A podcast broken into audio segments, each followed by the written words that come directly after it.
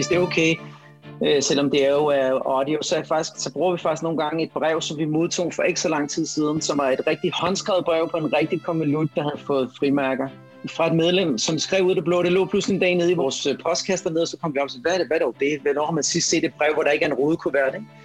Og så stod der med en meget fin håndskrift, Kære alle fra Goodiebox, 8 år er gået, siden jeg første gang fik min boks ind ad døren. Hvilken glæde, smiley. Vi to har overlevet et bryllup, en skilsmisse, en fødsel og et langt og opslidende sygdomsforløb, der resulterede i, at næsten alle mine venner forsvandt.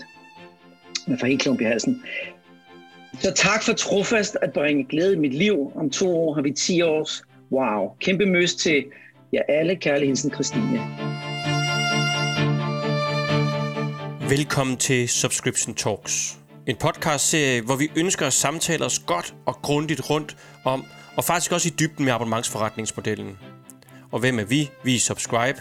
Vi tror på, og vi arbejder utrætteligt hårdt på at sætte hele verden i abonnement.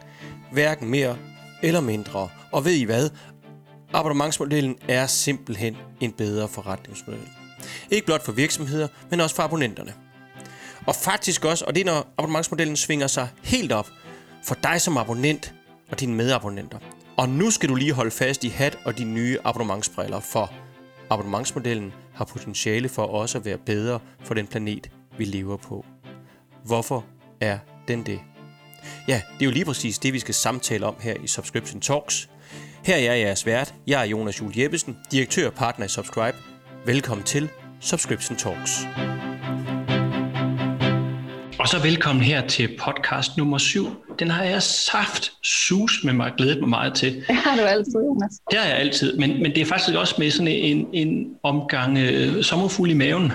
Både på grund af de gæster, vi skal snakke om lige om lidt, som vi jo er store fans af, Tine, men også fordi vi jo sådan set flyttede vores øh, podcaststudie ind på Zoom, som øh, folk måske kan høre, fordi lyden er ikke helt som den plejer at være.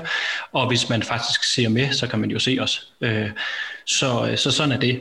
Og Tine, velkommen til dig, og du er jo min medvært i det her afsnit nummer syv. Tusind yes. tak, det er rart at være tilbage. Jeg havde jo for fem, seks afsnit siden, der havde vi jo en snak øh, omkring abonnementsinnovation. I dag er afsnittet jo under overskriften Danske abonnementssucceser.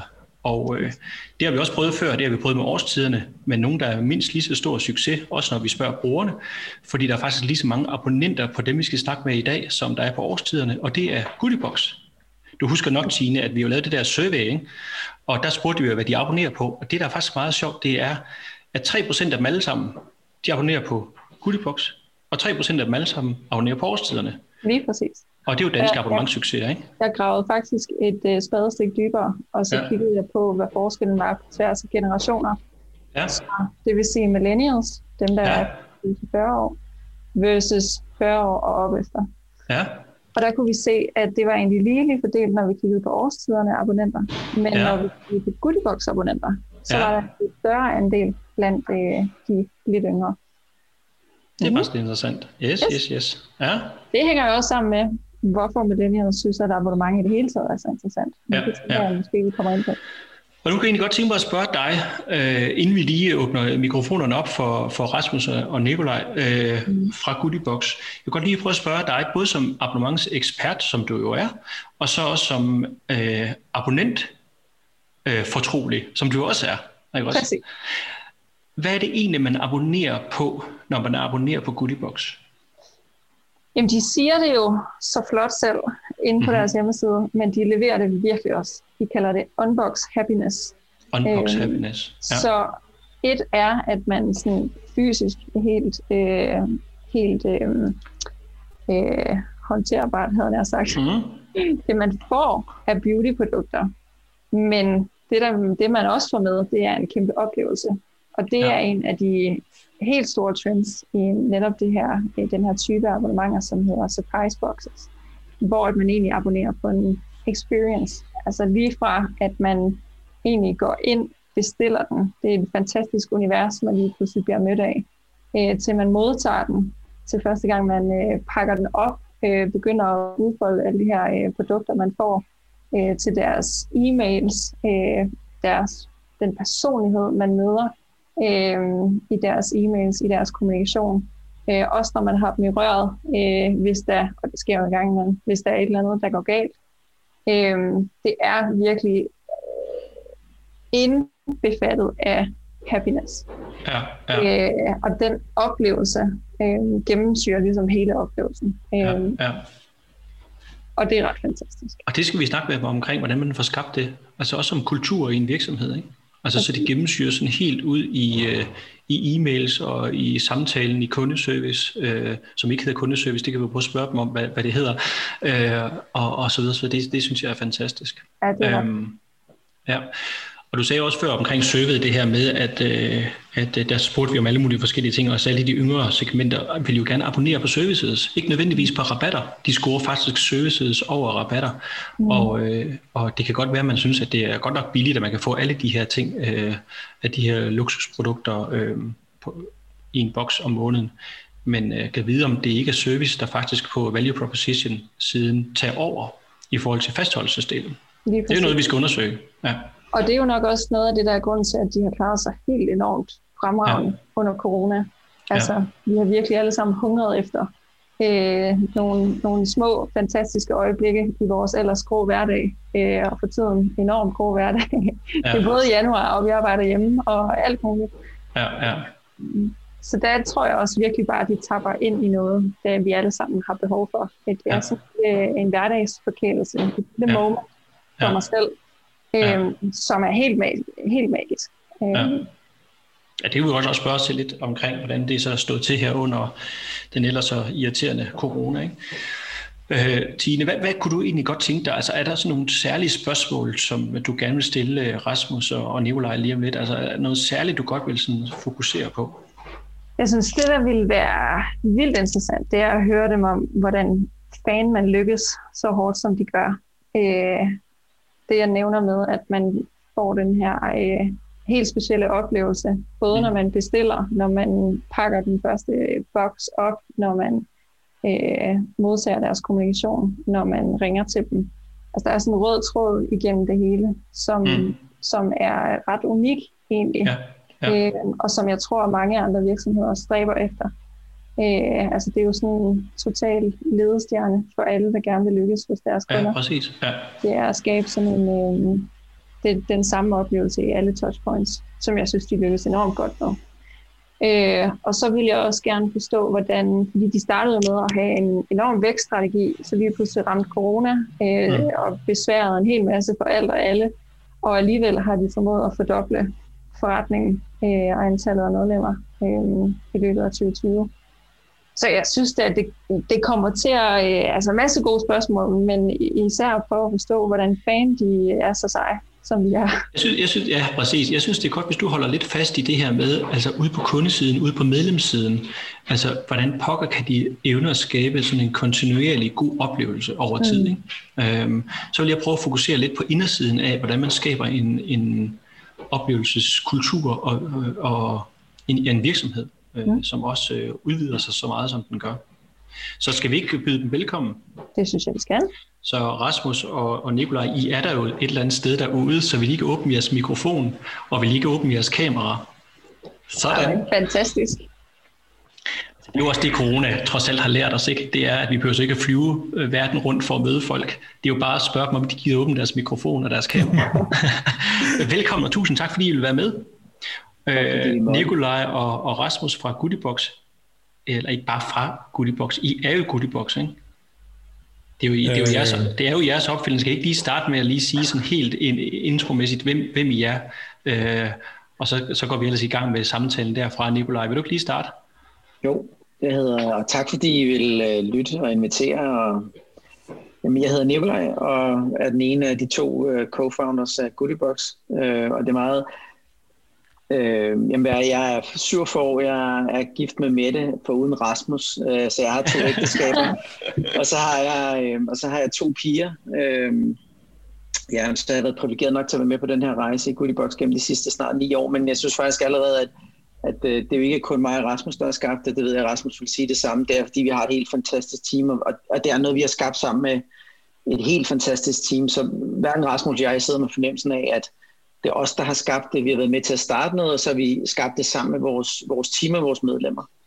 Så jeg synes, det hører med i, i historiefortællingen af, hvem vi er og hvilken størrelse vi er. Det, det er virkelig selvom co-creation kan være lidt et, et, et buzzword, så er det det, vi oplever, at, at vi gør. Det går vi ret meget op i. Det er, så, som om, at det, det, det er som om, at familie og team begreberne flyder lidt sammen for dig, Nikolaj.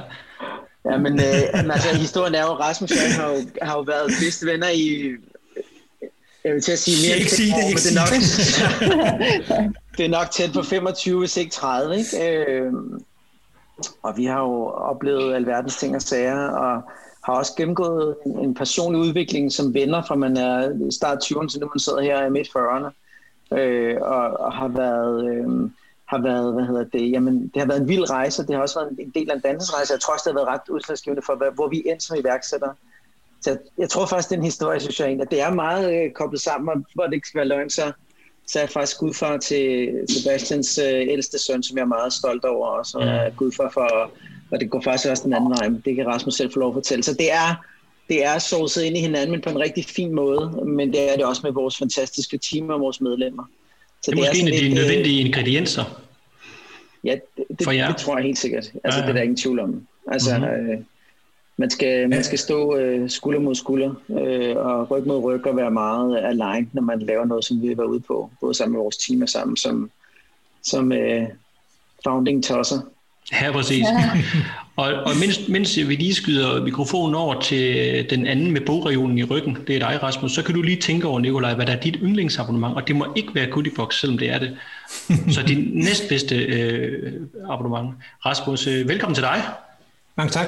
Jamen, øh, jeg, jeg hedder som sagt øh, Rasmus. Øh, jeg er kun 46. Øh, i, hver, I hvert fald to måneder endnu. Øh, og øh, jamen, hvad hedder det nu? Nikolaj, min bedste ven.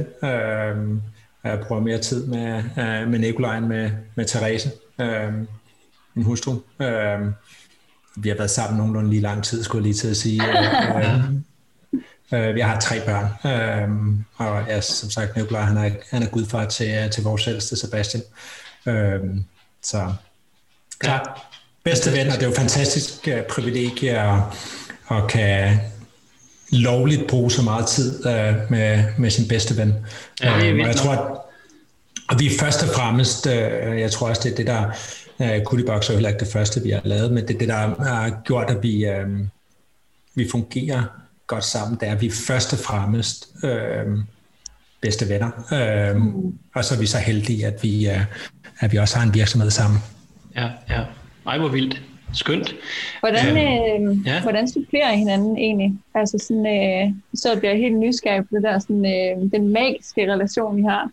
Men så sådan øh, professionelt på arbejde. Altså, hvordan, øh, hvem, er, hvem, er, hvem er en kreativ, hvem er talmanden, eller hvem er, altså, hvordan, hvordan supplerer I hinanden i forhold til... Jeg kan jo sige med bogregionen, jeg er jo, jeg er jo klart den... Øh, jeg, jeg, jeg, jeg er jo klart den... Øh, øh, nej, jeg tror, vi... Altså, jeg, jeg er klart den kloge. Øh, gider det var så vel. Jeg, altså, det... Øh, ej, Nikolaj, han er... Øh, og det er, det er ikke for sjov. Øh, Nikolaj er den... Øh, den, den kloge også. Vi, der er nogle punkter, hvor vi minder ekstremt meget om hinanden. det her, ikke? Det er vi enige om. Øh, jeg det øh, der er nogle punkter, hvor vi minder ekstremt meget om hinanden, øh, og så har vi jo så også i løbet af de her 5-26 år, hvor vi har været øh, været bedste venner, der har vi jo så også fundet ud af, at der er nogle ting, hvor vi ikke er ens, men hvor vi har lært at komplementere hinanden mm. øh, rigtig, rigtig godt. Øh, så hvis vi tager der, hvor vi minder rigtig meget om hinanden, der er vi, øh, vi begge to ekstremt konkurrencepræget. Øh, vi bliver så heldigvis lært øh, i løbet af de her 25 år. Det er, ikke, det er knap så umodent, som det var i, uh, i start 20'erne, fordi der var vi ude, altså uh, seriøst udholdeligt, uh, men vi, er, vi har begge to et kæmpe, kæmpe, kæmpe stort drive for at, at vinde.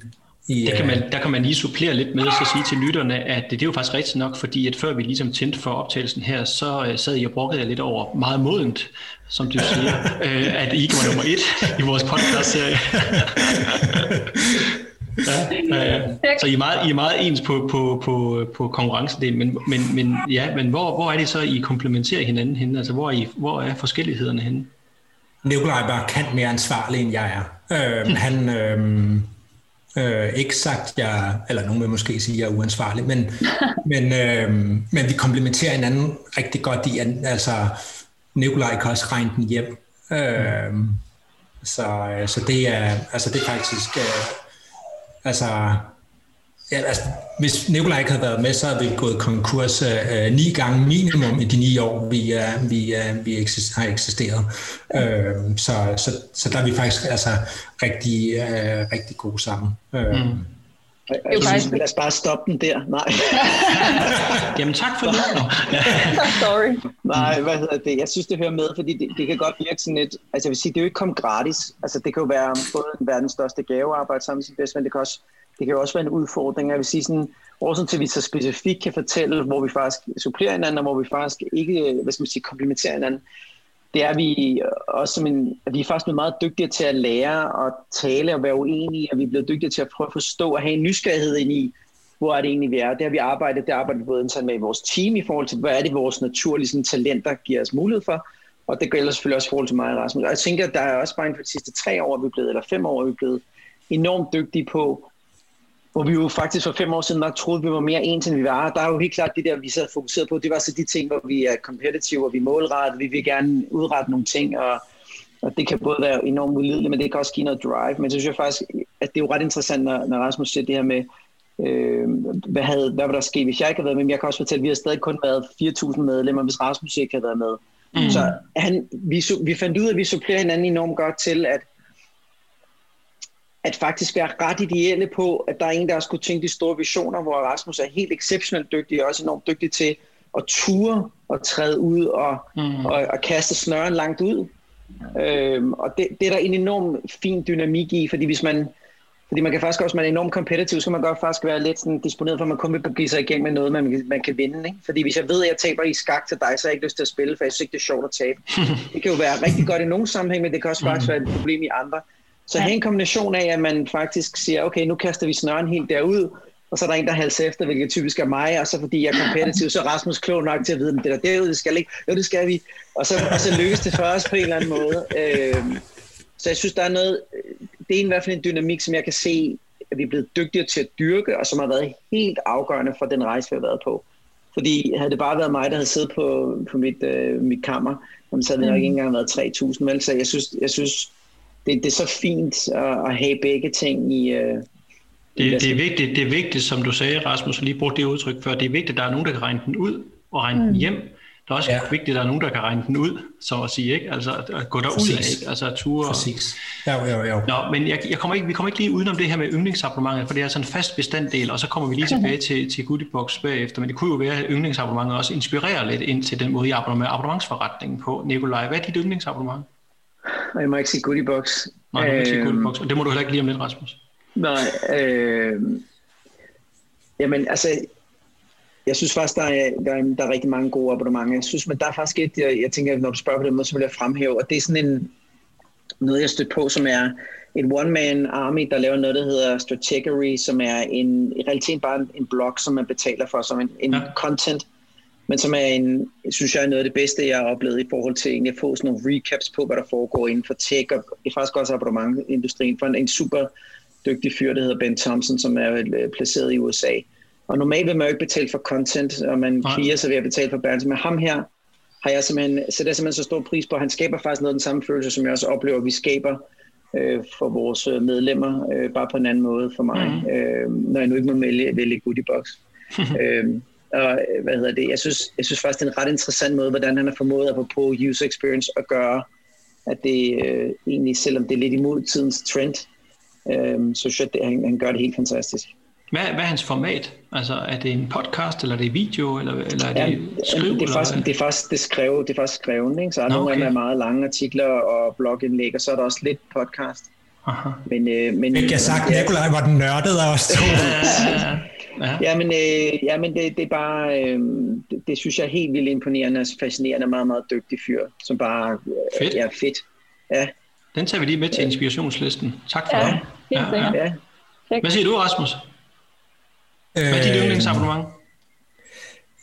Jeg har, jeg har faktisk rigtig mange abonnementer. Hvad hedder det nu? Øh, jeg sad lige og kiggede dem igennem. Jeg fandt ud af, at jeg havde tre fitnessabonnementer, og jeg ikke kunne bruge nogen af dem i, i 2020. Altså. og jeg er stadig ekstremt smalle, øh, tynde arme og smalle skuldre. Altså. Men, øh, men mit, øh, mit yndlingsabonnement er, er Headspace. Øh, som jeg bruger, øh, som jeg bruger hver dag. Øh, og, øh, også, og hvad er det? En, det er en meditationsapp, øh, som er, som er, at de også er historier, hvis du ikke kan falde i søvn om aftenen og sådan noget, så, øh, så, øh, så kan Matthew McConaughey kan lulle dig i søvn og sådan noget. Men, øh, men de, øh, det, det er sådan en guide, guided øh, meditation, øh, og det har fundet ud af, at det virker ekstremt godt på mig. Øh, mm-hmm. Jeg er... Øh, ellers er jeg måske ikke særlig god til lige at, øh, at koble af og sådan noget, men, men det er måske også noget, alderen også har lært, det er, det, det, det der bare er behov for, at batterierne også bliver genopladet. Mm, mm. Og, og ikke mindst altså i hele det her corona-show, vi uh, har været igennem og er igennem, der, der kunne jeg mærke, der var en periode, der bliver nødt til at skrue frekvensen op og bruge den flere gange om dagen også og sådan noget. Og det har bare været, det har bare været en lightsaver, altså det er... Mm. Øhm, og det, det er også nu kan, helt enormt. Jamen helt sindssygt. Om de gør det, altså... 100 millioner medlemmer. Ja, og de gør det, og, og altså, der er store konkurrent, nogen der hedder Calm, øh, som jeg egentlig også abonnerer på, øh, hvad hedder den nu, men jeg synes lige, at Headspace er lige, er lige det tand øh, bedre, og, øh, og, de, øh, og man kan så vælge en mand eller kvinde, der, der også guider en, og der, øh, altså, og når, bare når jeg hører ham manden, bare når han begynder, at, altså, så ligger der bare et anker, så han slapper af med, øh, med det samme, altså, så det er, Ja. Altså, det Fedt. bruger jeg hver dag. Det er ja, virkelig, ja. virkelig godt. Så hvis I ikke uh, har gjort det, så skal I, skal I gøre jer selv den, uh, den tjeneste. Fedt, fedt. Godt, det ikke bare bliver sagt Spotify, eller hvad der plejer at blive sagt. Så det var bare lige to Ikke, at der er noget galt i det. Men, nej, nej, nej, nej. Men det, dem det, har det, vi hørt, og dem har vi prøvet. Så nu ja, skal vi præcis. prøve nogle nye. Ja. Godt. Lad os kaste os ind, helt ind i, i Goodiebox abonnementsforretningen. Må vi ikke lige starte med at spørge, hvis I vil af med det, hvad, hvad, sådan på abonnentsiden og størrelsen, hvad, det, hvad, hvad snakker vi om her? Hvor, hvor stor er Goodiebox egentlig? Sådan en dansk abonnementssucces som jer. Hvor, hvor er vi henne på, på medlemssiden? Ja, vi, øh, vi, øh, vi endte 2020 her med 219.000 øh, medlemmer, øh, betalende medlemmer. Ikke? Øh, mm. så, øh, så det er... Øh, altså, det, vi har helt klart øh, ramt et eller andet, der, der fungerer, øh, fungerer godt hos, øh, hos medlemmerne. Er det ikke på den en lille reaction? Det hedder med stærkt gået, altså. Ja. Øhm, og det er vi også meget, øh, altså det er vi super glade og taknemmelige for. Vi, og vi har kunne se, at vi bliver også hele tiden bedre og bedre til øh, det, vi gør, og, og vores kollegaer øh, bliver endnu mere specialiseret i det, vi gør. Så især de sidste tre år, der har, øh, og vi er jo ni år gamle om en måned, øh, men især de sidste tre år, der har virkelig været spændt på.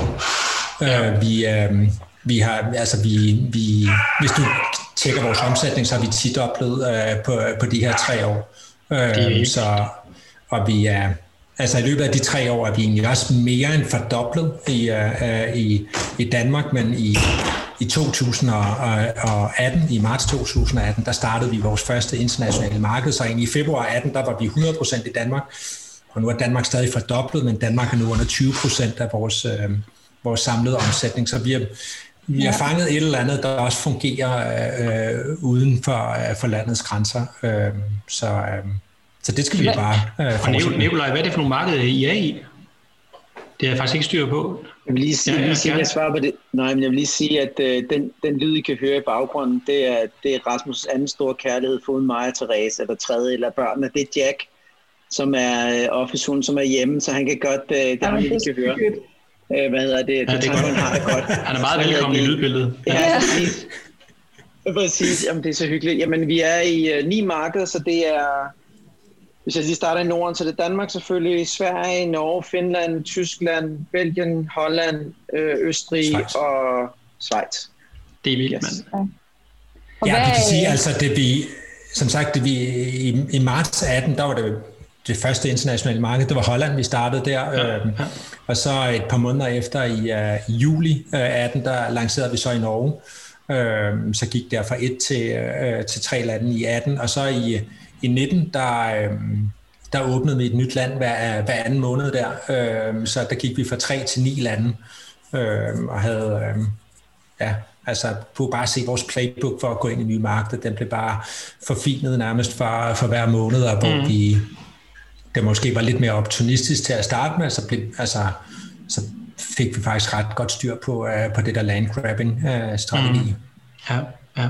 Fedt. Og hvad, hvad er det, man kan tilbyde medlemmer, som gør, at medlemmer fra Østrig til Norge, de gerne vil have noget af det? Hvad er det, man kan tilbyde, som, øh, som går på tværs af landegrænser, og folk gerne vil abonnere på?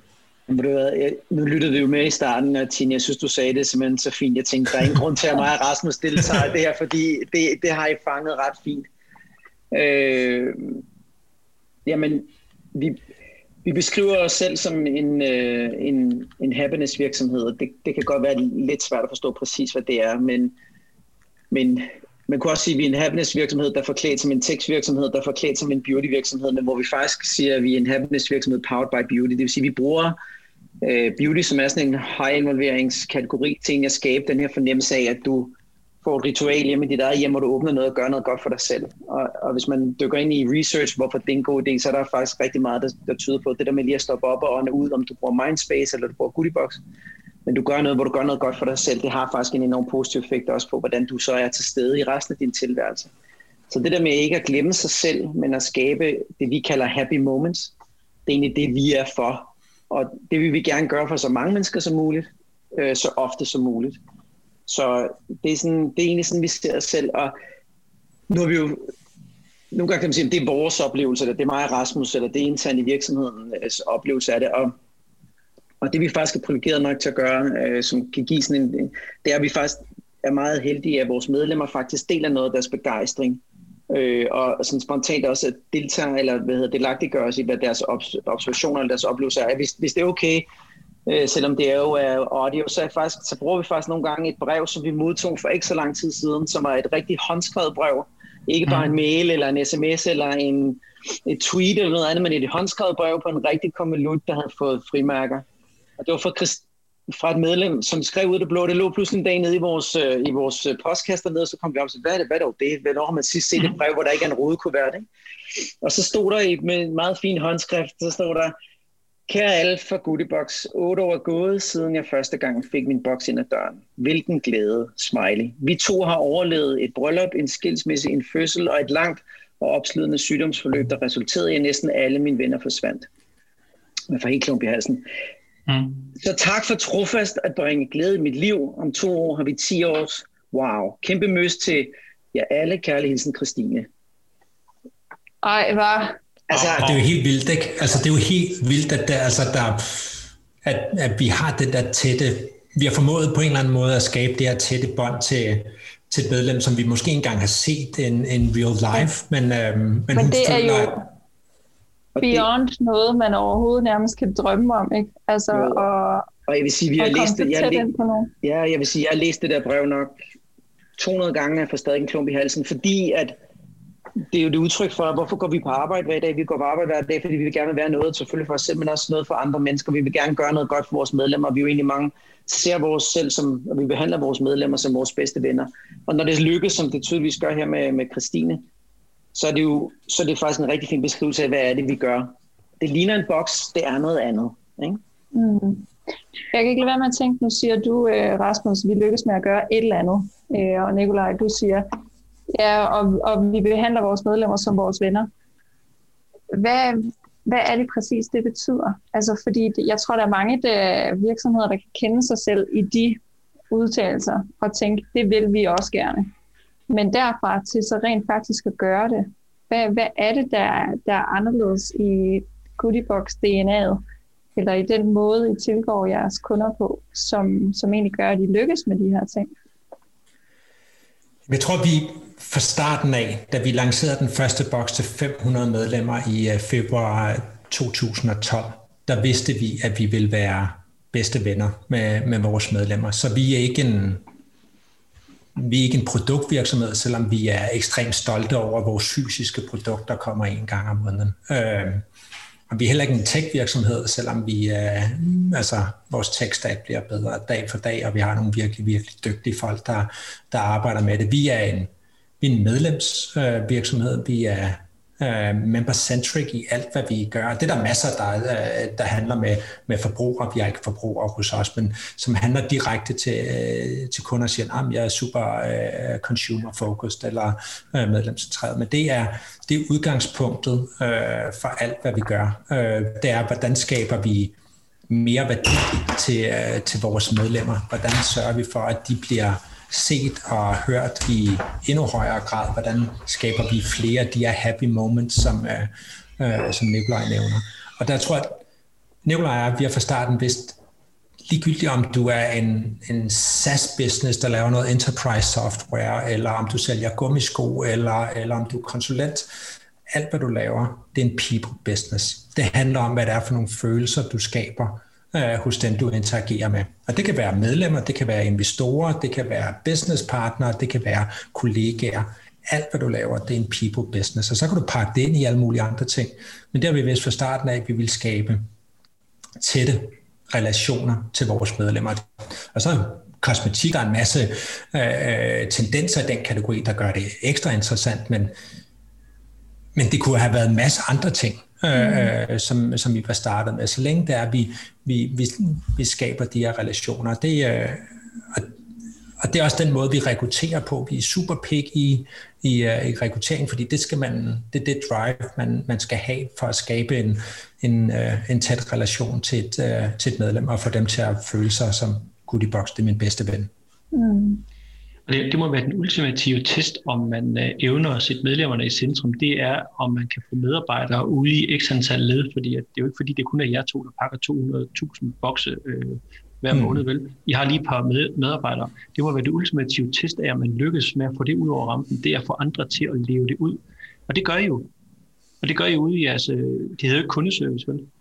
Øh, hvad, kalder I, hvad kalder I jeres serviceenhed? Øh, det hedder selvfølgelig Team Happiness, og, ja. og de fantastiske mennesker, der sidder og, og hjælper os, øh, det hedder Happiness Heroes. Ja. Øh, og, og, og de er de er heroes, og, og jeg tror, øh, i, i supplement til det Rasmus sagde øh, lige før, det er også, at jeg tror, vi har været enormt klare i spyttet omkring, hvad det var, vi vil, og så har vi ikke rystet på hånden, og Rasmus og jeg har været 100% align på det fra dag et, og det har givet noget klarhed, og det betyder også, at den klarhed kommer til udtryk i alt, hvad vi gør, også når vi har ryggen mod muren. Og vi kalder det Team Happiness, fordi at vi aldrig har bygget en kundeservice-forretning op. Da vi startede, så, øh, så var den gængse øh, hvad skal man sige, tilgang til kundeservice, det var jo med, hvor mange kald kan du få igennem på en time. Hvis du kan få 60 igennem, mm. så er det mm. bedre, end du kan få 30, fordi det jo bare med at bringe kost per kontaktpunkt ned. Vi vendte rundt på hovedet og siger, det er her, du faktisk har mulighed for at skabe en personlig relation ja. og skabe wow. Ja. Hvorfor ikke vente om? Ja. Og, og, og, og derfor har der kun været en regel til vores Team Happiness, det er, behandle vores medlemmer, som du selv vil behandles, og så løs problemet, når du sidder og taler med vores medlem, eller øh, du, der bliver skrevet. Vi vil aldrig nogensinde høre en, der siger, jeg forstår det virkelig godt, Jonas, men jeg kan ikke hjælpe dig, jeg skal tilbage og spørge min manager. Den samtale tror jeg aldrig er foregået i, i Goodiebox, eller det, det gør det ikke, det er aldrig sket, fordi de bliver instrueret i, at de får mandatet, fordi lige der i den situation, så er de den bedst kvalificerede person i verden til at løse det problem. Og så kan man være i tvivl, og så kan man gå tilbage og spørge det support-ophav, øh, man har. Øhm, hvad er det, hvad hedder det, gjorde jeg det rigtigt her, eller øh, træffe en rigtig beslutning, eller jeg har lige brug for noget sparring på det her. Og, og det er der simpelthen internt så utrolig mange gode eksempler på, hvor der vi kan se, at vores Team Happiness, øh, men også de andre afdelinger i virksomheden, forstår det mandat og agerer på det mandat. Ikke? Og, og for et meget konkret eksempel, som, øh, som stadig står lysende klart for mig på, hvor, hvor, hvordan teamet gjorde det, det var, at for, jeg tror det er tre eller fire år siden, jeg tror måske til og med, jeg har fortalt historien før til jer, men I må bære over med mig, men den er så god, synes den forklarer rigtig mm. godt, hvad det er. Det skal vi godt holde ud og høre nogle gange, den der. Ja, men øh, det kan også være, jeg ikke har, men historien er, at vi har et medlem, som skriver ind til os, og siger, ved du hvad, øh, jeg har været medlem i to år, jeg har simpelthen været så glad, og jeg vil gerne sige mit medlemskab op nu, og så giver hun nogle grunde til det. Og da vi ligesom sidder og læser det her, jeg tror måske det til med, det var en Trustpilot-anmeldelse, øh, så sidder både Rasmus og jeg og kigger og siger, wow, det der, det, det gjorde indtryk, fordi det var simpelthen så øh, fint beskrevet, vi bare tænkte, her har vi tydeligvis fejlet. Det kan også være, at det bare var en, en mail, der kom ind. Og så var det bare sådan, prøv at høre, hun har været medlem for os to år, der er sket lidt andet, vi ikke kan være bekendt, og det er ikke den relation, vi vil have til vores medlem generelt, men heller ikke bare til det enkelte medlem. Og så var det bare sådan, at vi er nødt til at sige undskyld. Så vi blev enige om ret hurtigt at sige, ved du hvad, vi må også sige undskyld, vi må over banke på en større sige, ved du hvad, vi mente det ikke, tage os tilbage, det var helt forkert, og bogstaveligt talt over at sige undskyld til en face-to-face, fordi vi havde haft en intimitet i vores relationer, det var lige pludselig væk, fordi vi havde screwed up. Og det er jo en fantastisk idé, og så lige så finder vi ud af, shit, hun bor i Sønderborg. Og så er det jo det, man bliver, når man bliver på i København, der er det stadigvæk, men så er det jo faktisk det, man viser sådan, hvor vigtigt er det her ene medlem for dig, eller for os. Og der var der bare konsensus i organisationen. Det var ikke spørgsmål om, om vi gør det, det bare, det skal vi. Og så var det i det tilfælde Mark, der så tager afsted med det tidlige morgentog næste morgen. Det sker torsdag aften, jeg kan huske det. Fredag morgen er sted til, øh, hvad hedder det, øh, til Sønderborg. Jeg tror til, at han køber nogle blomster for uden, han har nogle goodiebokser med. Og går så op på hendes arbejdsplads, hvor hun så ikke er. Og så siger han, så må vi gå hjem, og det kan vi jo, øh, så han finder hjem til en og banker på, efter det kæresten der døren. Og der står Mark sammen med blomster og goodiebox.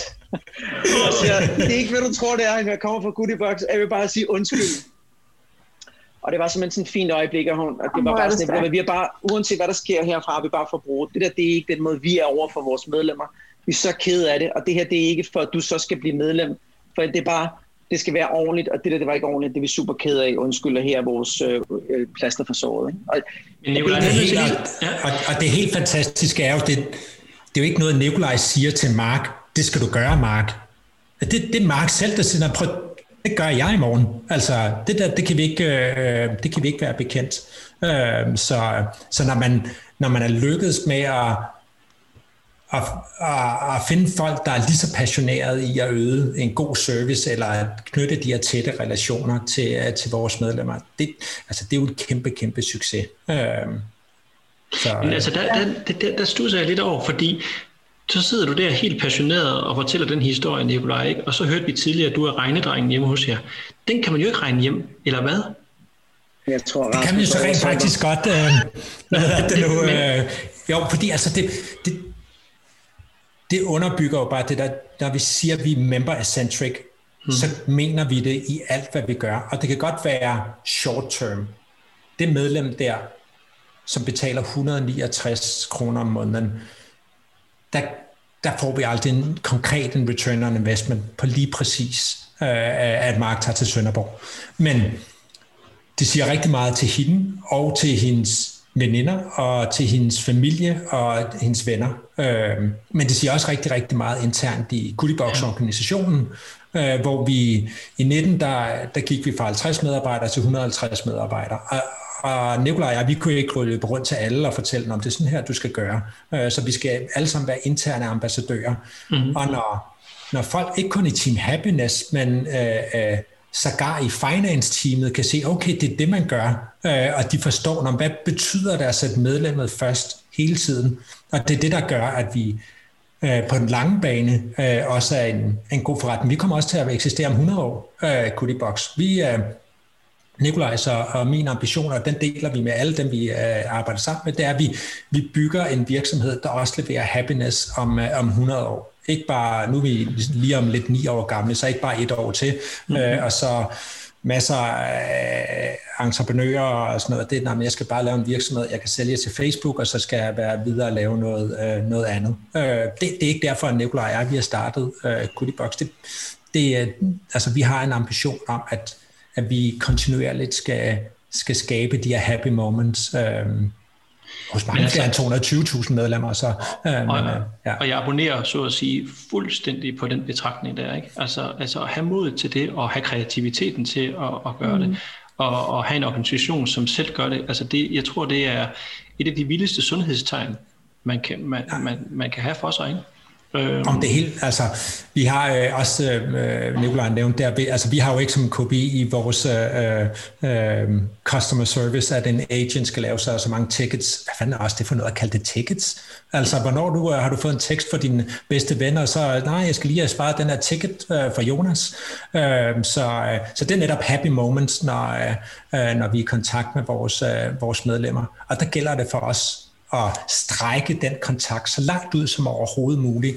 Øhm, og et andet eksempel, der er, at øh, en, en happiness hero, øh, Frederikke, øh, jeg skal skynde mig at sige, at Frederikke taler ekstremt meget øh, og længe, øh, men, øh, men, men på et kald med et medlem, og så have medlemmet i røret øh, i 4 timer og 48 minutter, øh, på et telefonopkald, ikke? Det, øh, hvad talte de om? Det altså, men, det, øh, det var fortroligt, det er med på. Man slader ikke om sine venner. Men, nej, øh, nej, nej, men det var netop ikke kun, at der manglede et produkt i boksen, eller det var øh, forsinket, eller det var blevet leveret i den forkerte pakkeshop. Det var måske indgangen til, uh, til, uh, til snakken, men så går den jo over i en date, der er gået galt, eller et problematisk forhold til sin mor, eller der er nogle issues i venindegruppen, og Øh, og Frederikke fortsætter også med kaldet, efter hun har fået fri.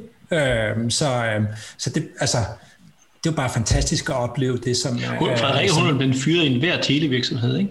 Ja, jo, det var hun nemlig. Det var hun. Den kan ikke regne hjem, den der Frederik. Nej. Ja. Men, men der, der, der er det lidt sjovt, at, at I som virksomhed jo på en eller anden måde er så meget på distancen fysisk med jeres medlemmer, men har dem så tæt på nærmest som en frisør. Ikke? Mm, der er lidt, I, så lidt, lidt i samme boldgade ikke? omkring beauty. Yes. Øh, altså det der med, at den, den fastholdelsesmulighed, øh, der ligger i, i eller der, der er forbundet med, at man har en i stolen, mens man, den time, man klipper, eller hvor lang tid nu tager, ikke? Ja. Det, det lever I jo faktisk ud via de touchpoints, I nu engang har. Øhm, Præcis. Præcis. Og det er fedt nok at sætte det som ambition, at selvom man har den der distance, at så kan man da sagtens være bedste venner. Mm. Ikke? Det, jo, jo, det kan man. Ja. Det kan man, og vi kan, og vi kan jo se os i den her coronasituation. Der er, altså, vi var relevante før corona, men vi har nok været endnu mere relevante nu her i den periode, mm. hvor at, mm-hmm. øh, ja, måske har du ikke lige så mange øh, små lyspunkter i, øh, i livet. Du kan ikke gå lige så meget ud og spise, du kan øh, ikke rejse på ferie, du, øh, men, men så kan du få en, en, noget forkælelse hjem en gang om måneden, men du kan også rent faktisk tale øh, med os, ikke? Så, ja. Ja, men det er fantastisk. Altså, nu, jeg tænker på, nu Må jeg bare lige sige en ting, bare for det, ja. fordi jeg synes, det, det, det, som er også så vigtigt, det er, at, at, at vi jo øh, er enormt ydmyge omkring os, hvor vi er på vej hen, og det er jo ikke, man må aldrig nogen, hvis man hører den her podcast, tænke, at Nicolai og Rasmus synes, at Goodie Box er perfekt, at vi ikke laver fejl. Vi laver fejl hele tiden. Men ambitionen og hvad det er, vi gerne vil, den er krystalklar. Så kan det nogle gange blive eksekveret på en måde, hvor det er, at vi laver ged i den, eller der sker noget, der er util, uh, uhensigtsmæssigt. Men ambitionen om, hvad det er, vi vil, det er den, der er så lysende klar. Ikke? Og så i 99% af tilfælde, så bliver det eksekveret rigtigt. Men, men, uh, men vi arbejder også på hele tiden, hvordan kan vi blive dygtigere og udvikle os mere, og, og vi hviler på ingen måde på lavbæren. For jeg synes, den ydmyghed er, er også ligesom, du er nødt til at investere i et, i, et, i et parforhold, så skal man også have en ydmyghed i at investere i en mm. relation til sine medlemmer, for det er også en vores parforhold. Ikke?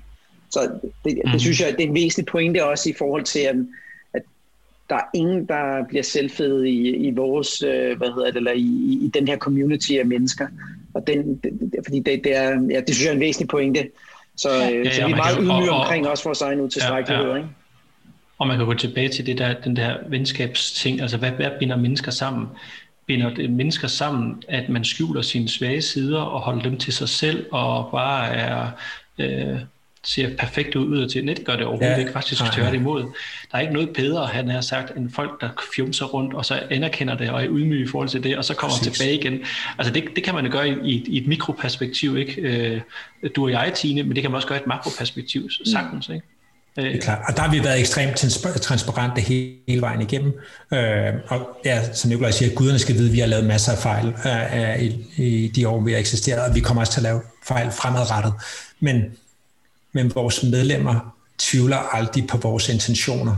Øh, og det, det gør, at vi også bliver tilgivet øh, 9 ud af 10 gange for de fejl, eller 99 ud af 100 gange mm. for de, uh, de fejl, vi laver, fordi at de ved, at vi rent faktisk ved dem det bedste. Det er udgangspunktet. Mm. Det har vi formået øh, øh, øh, og, mm. og levere til dem, så de aldrig tvivler på det, selvom vi også kommer til at lave fra, fremadrettet. Det, selvfølgelig, når der er, vi tidobler på, uh, på tre år, så, altså, så kommer der til at være, øh, så kommer der til at være fejl, øh, men de tvivler ikke på vores, øh, på vores intentioner. Nej. Hvordan, hvordan øh, jeg skal lige høre en gang, hvordan videreudvikler I egentlig jeres øh, venskab, han har sagt, jeres øh, abonnementstilbud, øh, jeres værdi? Altså øh, de der 219.000 bokse, er, er, det, er det de samme bokse til alle sammen, eller, eller, eller er I begyndt at arbejde med, at det er differentieret, eller, eller, eller hvordan pokker? Det er jeg lidt usikker på. Kan I ikke lige prøve at sætte nogle ord på, hvordan I videreudvikler øh, oplevelsen og værdien øh, i jeres abonnementer, og ikke stå stille, Nikolaj?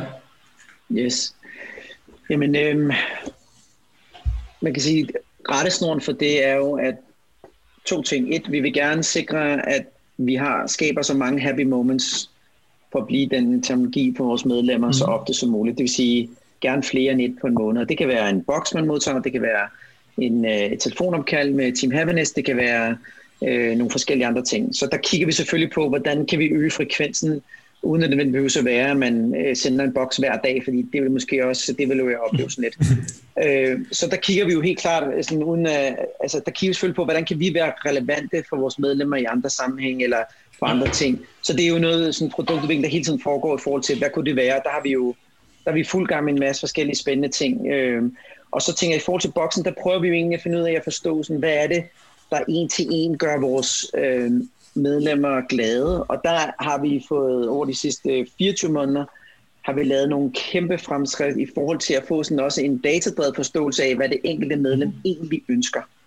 Og okay. det bruger vi i stigende grad til at skabe den her en-til-en relation med vores medlemmer. Selvom det egentlig er en til mange, så vil vi gerne have, at det er en til en så godt som overhovedet muligt. Sådan så når Tine åbner sin boks, eller hvis du åbner din boks, Jonas, så vil du få en fornemmelse af, at det her det er noget, som er tiltalende for mig. Enten fordi, at vi har ramt noget, du godt kan lide, eller fordi vi mener, at vi har sammensat noget, som vi føler, eller vi mener, kunne være en inspiration til dig, fordi det er noget, du ikke selv har set på før. Så mm. jeg synes, vi har sådan en, både en emotionel dimension på det, vi prøver at lave i forhold til at forstå, så hvad for en rolle vi ønsker at spille i vores medlemmers liv. Og så nummer to, så prøver vi at, på en intelligent måde at bruge data til at forstå, hvordan kan vi lave nogle gode valg øh, for vores medlemmer, som gør det endnu mere relevant og en endnu større grad af happiness. Øh. Ja. Så, så I er i gang med at skrue godt og grundigt op på personaliseringen? Altså, ja. Både i, i en-til-en mødet, når der er en, der taler øh, med Team Happiness, men også i forhold til, hvad I putter i boksene måned for måned, ikke? Ja. Det er, altså, det er jo det gode ved at være... Ja, bare kom, Rasmus. Ja. Det gode ved at være født uh, digital, det er jo, at vi får den her feedback med det mm. samme. Vi får den ufiltreret. Det bliver ikke um, sådan quote unquote forurenet af en ekspedient, der, der står i en, i en kosmetikforretning. Vi får det direkte med det samme for, for medlemmet. Så, uh, så hver måned, der, der får vi flere millioner data points for, for vores medlemmer uh, på, hvad de kan lide og hvad de ikke kan lide.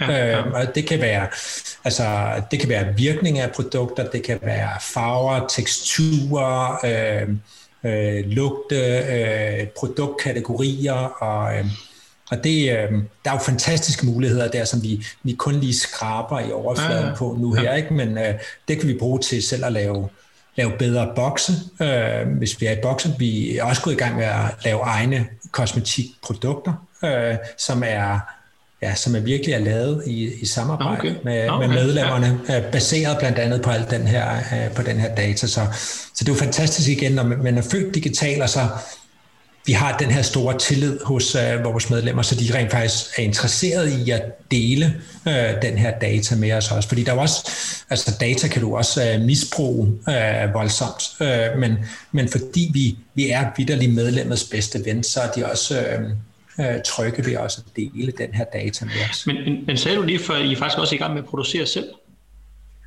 Altså, ja. Jeg, ja, så lige som en streamingtjeneste, som også begynder at lave eget content, ikke også? Øh, så begynder I faktisk også at lave eget content ja, i Goodiebox. Fuldstændig, jamen, altså ja. ligesom Altså Tine kan bedst lide uh, sci-fi fra 80'erne, og Jonas, du kan bedst lide, uh, politi- uh, du kan bedst lide politiske dramaer, eller det kunne du i hvert fald indtil uh, Kevin der, han gik ved siden af. Uh, og der, uh, Øhm, og der laver Netflix jo nærmest mere content nu end, end, end Disney, og de vinder til med Oscars. Øhm, ja, ja. Der er vi jo lidt mindre skala, men, men i den samme position. Vi viser vores medlemmer alle slags kosmetikprodukter i hele verden. Det er hårprodukter, skincare, makeup, uh, you name it. Uh, og de fortæller os, hvad de kan lide og hvad de ikke kan lide. Mm. Og så fordi vi er deres bedste ven, hvordan kan vi så udvikle noget, som vi ved, de rent faktisk har brug for, ja. som vi ikke behøver at pakke ind i alt muligt fancy marketing og have nogle celebrities eller øh, hvad det nu er til at sælge det. Det kan vi lave til dem, og så kan vi til med også sælge det direkte til dem. Mm.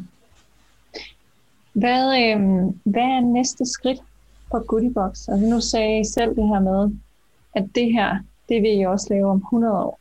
Altså, øh, men, men hvis vi lige kigger på den lidt kortere bane, så lad os bare sige 10 år. Hvad er Goodiebox så?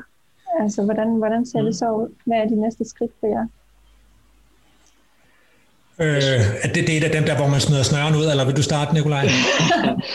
jeg synes, jeg kan tige den op, og så kan, oh, ja. jeg sige, så kan jeg sige, øh, jeg synes, det der er enormt, altså det der er vigtigt, eller sådan, hvor, hvor vi kommer fra, som er vigtigt, det vi kan sige, det er, at, at det handler om, at, og uagtet hvad vi kommer til at gøre, og så er det, øh, at det handler om at tage udgangspunkt i vores medlemmers øh, happiness og skabe de her happy moments. Det er omdrejningspunktet, og det er vores meget, meget klare why. Og så alt, hvad vi kommer til at se for os, det vil være projektioner ja. af det. Så ja. det kan være, øh, hvad hedder det, øh, ja, det kan være øh, lidt gå tilbage til det, jeg sagde før. Hvad kunne det andre være relevante ting, hvor vi føler, at vi kunne spille en relevant rolle for vores medlemmer?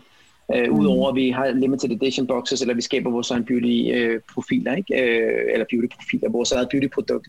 Øh, så jeg synes, det der med relevans i forhold til happy moments, og det er sådan overliggende, hvis jeg lige skal tit ekstra op, inden Rasmus øh, kan, kan, hvad hedder det, kan smide snøren ud, så synes jeg, det er vigtigt at forstå også i vores forretning, som er enormt datadrevet, og som er super competitive indstillet også på, hvad er det, vi skal nå.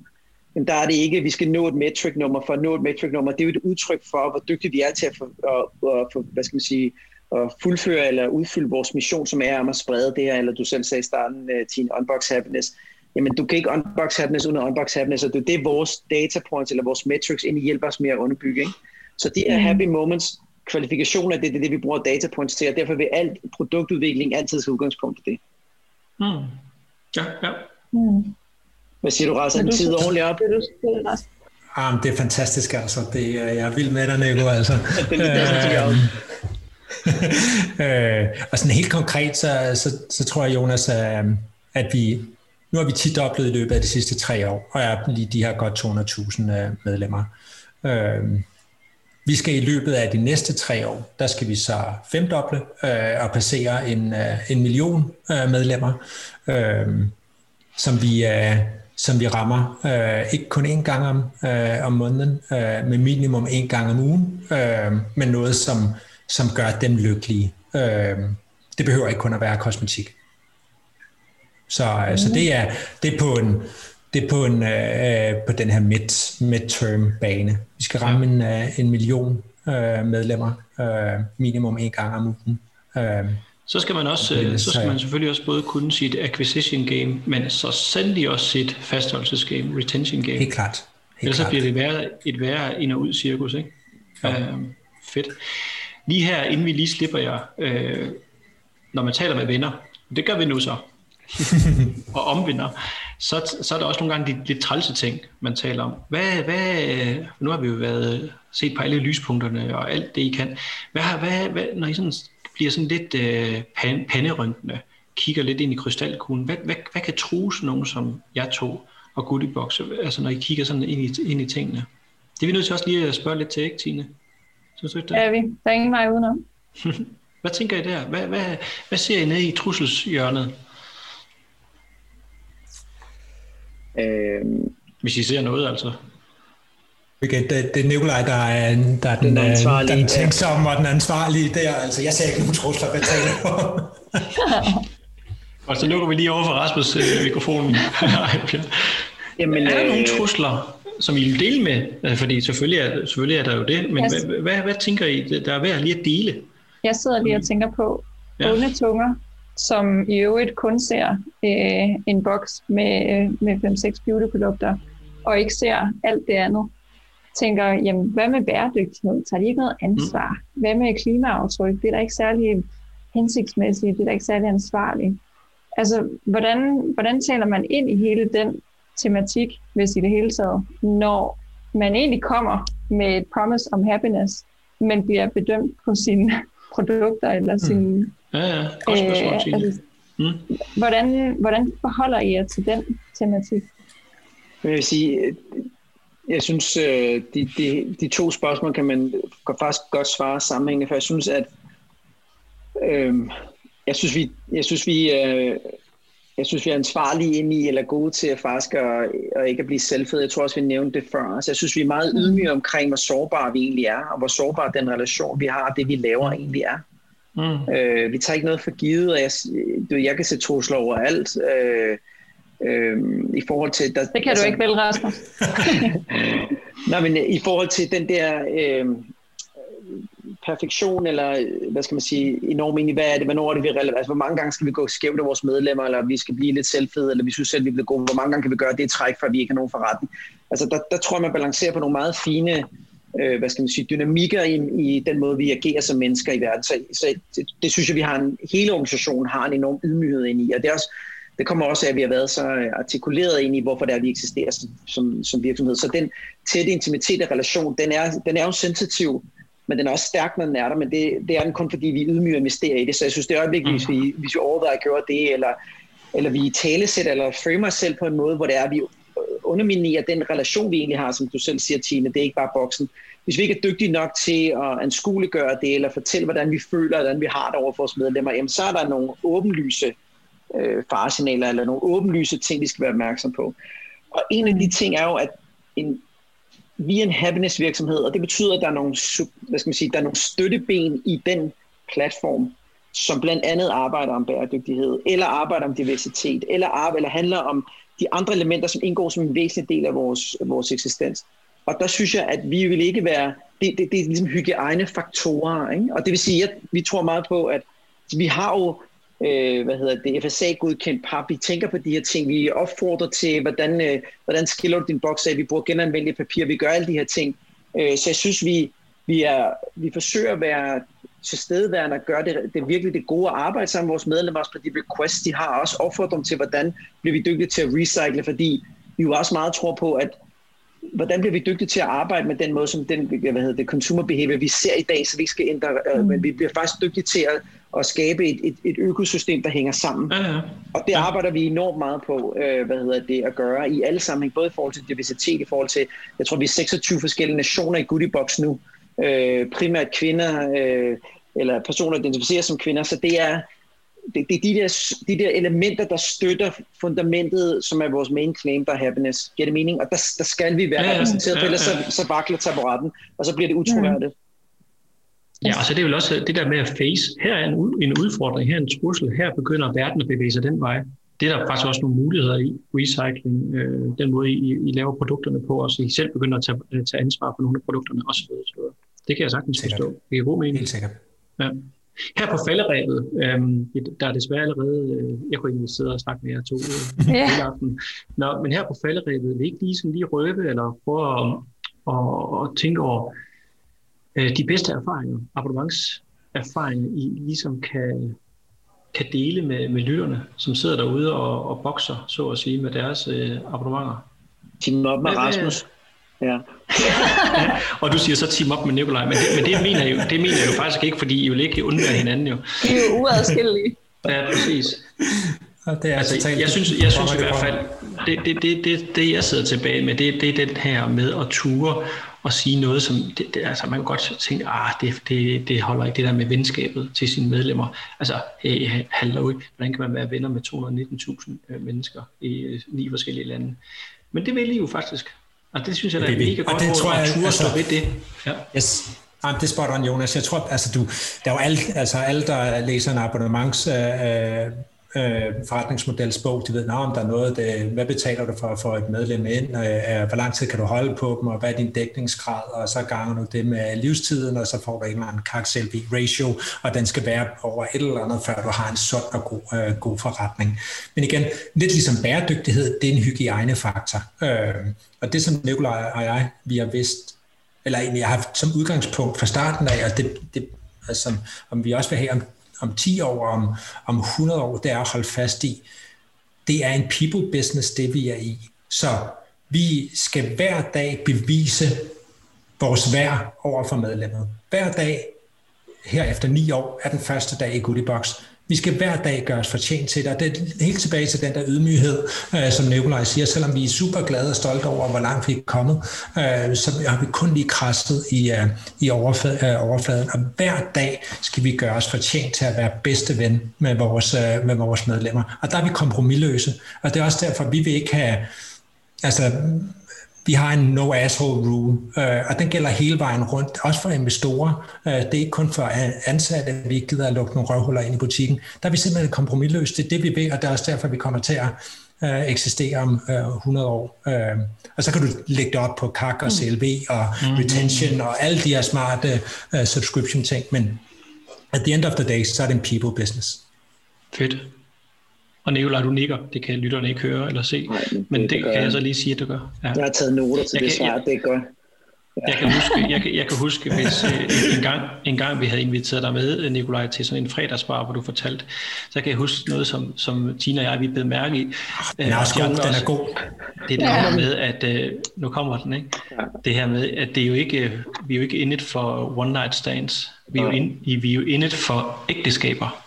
Ja, ja, det er parforhold, ikke? Ja. Parforhold, ja. ja vi, det er ikke one night stands der. Det, det, det, det øh, Ja, historien er jo, som I ved, det er, at uh, Rasmus var så inviteret i P3, tror jeg, P1, og så kunne han uh, heldigvis ikke, og så fik jeg invitationen, og så synes jeg, det var sådan et, hey mom, I did it, uh, selvom det var på lån til. Ikke? Og så en del af den oplevelse var at sige, hvad er så en abonnementsforretning? Og så kan jeg huske, at jeg havde tænkt på det der, jamen det er jo egentlig ikke et one night stand, det er jo egentlig faktisk ikke den her øh, serie indgangsforestilling, men det er jo faktisk en, en relation eller et parforhold, og det er meget sammenlignet det, man kan forholde sig til. Jeg tænker, det var så, det var så smart, og så noget jeg ikke fik sagt det, så tænker jeg, næste gang jeg står over for nogen mere end, mere end Rasmus, så, så skal jeg få sagt det. Men der er noget, der er noget rigtigt i det, jeg synes, øh, og jeg synes, det, det, der, altså, der er vi jo også øh, meget ens, Rasmus, i forhold til at sige det der, jamen, hvad er det, hvorfor er det, du går på arbejde hver dag? Altså, der tror jeg nogle gange, man godt kan kæmpe lidt med at holde sig selv ud i strakt arm hvorfor er det verden kan, altså, hvorfor vil verden være et dårligere sted, hvis Goodiebug ikke eksisterede? Det føler vi faktisk, vi har et forholdsvis fornuftigt klart svar på. Og det er jo det der people business, hvad er din relation, der gør, at du har lyst til at have en vedvarende forhold eller et parforhold med os eller en vilkårlig anden øh, virksomhed. Ikke? Og, og, og, ja, jeg synes, det tager meget fint ind i, at det er det, du skal finde frem til. Og så er vi tilbage ved starten af vores samtale, vores abonnementssamtale her, at det hele det startede egentlig med jeres venskab. Ikke? Så øh, det er jo fantastisk lige at runde, runde det af, øh, hvad hedder det, eller at, at tænke det på den måde, at det, det starter og slutter med, med den lange relation, ikke, og med venskabet.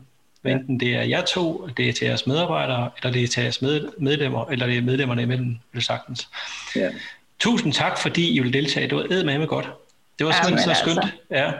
I for øhm, vilde, altså. Og hvor er det bare øh, enormt fedt at høre Helt jeres sådan, ja. kompromilløse tilgang til, til det formål, der samler jer.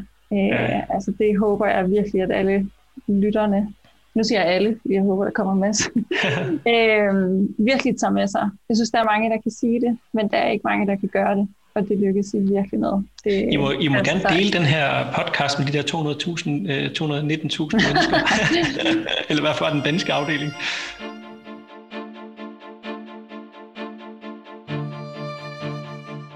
Tine, mega fedt. Hold nu op. Jeg blev faktisk uh, undervejs sådan rørt flere gange. Ja, det gjorde jeg også. Ja, det altså, hvor er det fantastisk, ikke? Jeg hører på dig. Ja, ja. Det er vildt uh, fascinerende, altså.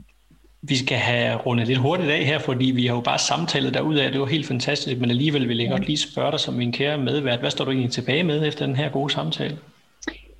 Jamen, jeg står tilbage med, at jeg står tilbage med, som jeg også lige sagde lige før, det her med at samle som et formål.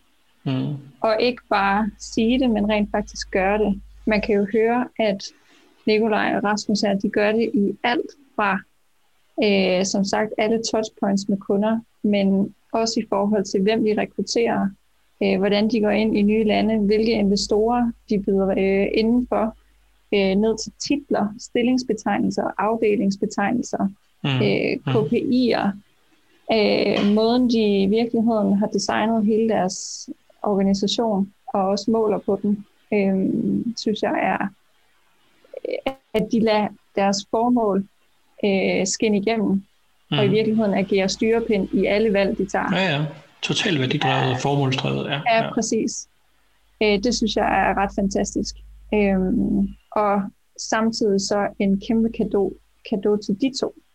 Ja. Øh, fordi det, at der er en ledelse, der sætter så klar en retning, uh-huh. øh, i form af et formål, som man jo kan samles om. Man kan ikke samles om en, en målsætning eller en opgave på samme måde. Der er mange forskellige tolkninger, men når der er et formål, så får folk noget frihed.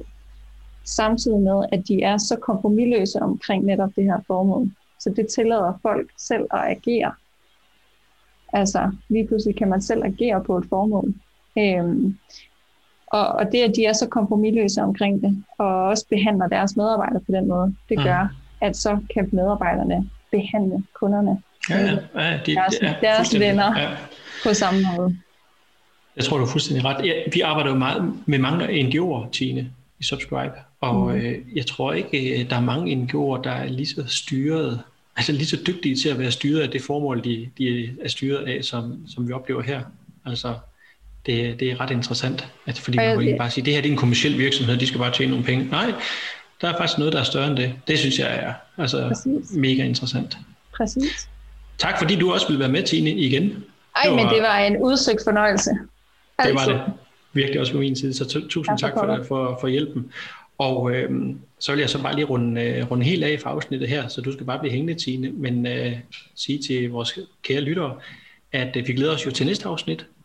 Vi er stadigvæk sådan lidt på gyngende grund omkring, hvad det skal handle om, fordi i det her corona-verden, så kan det jo gå alle mulige steder hen, så vi skal lige høre, om det hele bliver åbnet op igen, og hvordan og ledes lige gør.